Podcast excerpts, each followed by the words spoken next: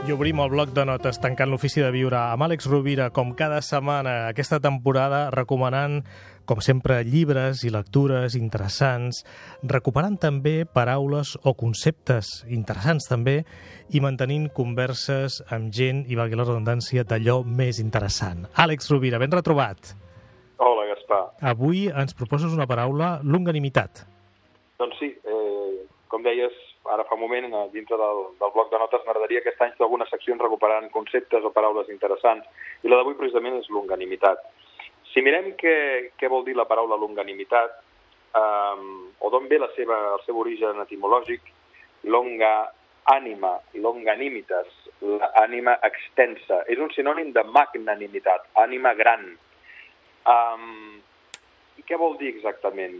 Fonamentalment, quan es parlava de que algú tenia l'atribut, el valor de la longanimitat, quan algú era longànim, era algú que tenia grandesa i constància d'ànim en les adversitats.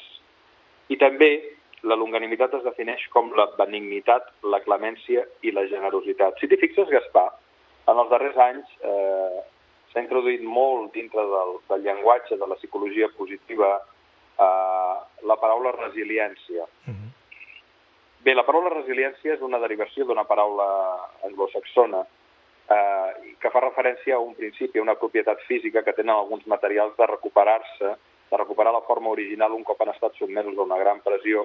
I també és el remanent d'energia que queda en un circuit elèctric, per exemple, quan el commutes, l'engegues i l'apagues, el remanent que queda se li diu la resiliència.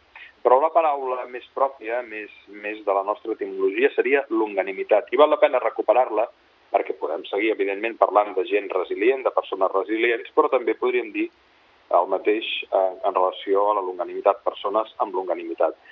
La longanimitat és, va més enllà de la resiliència, perquè si la resiliència fa referència a recuperar la forma original o s'utilitza com a metàfora la capacitat de tornar-se a aixecar un cop has, has estat tombat per una dificultat, per una adversitat, per una crisi, la longanimitat ens diu, d'acord, però a llarg termini, fer-ho moltes vegades.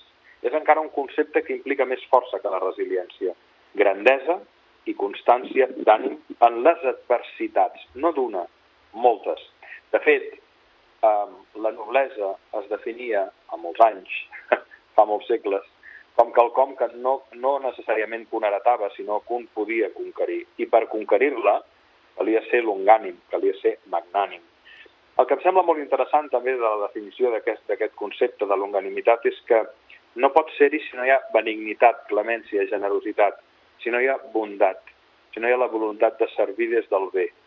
Crec que val molt la pena reflexionar sobre aquesta idea, crec que val molt la pena donar-la a conèixer i aquells que els agradi l'etimologia que aprofundeixin més en l'infinit univers de les paraules perquè val molt la pena sorprendre's sobre l'origen del llenguatge i de paraules tan boniques que, per desgràcia, cauen en el desús. Interessantíssim aquest concepte, en prenem bona nota, longanimitat. Àlex Rovira, moltes gràcies. Una que tinguis abraçada. una molt bona setmana.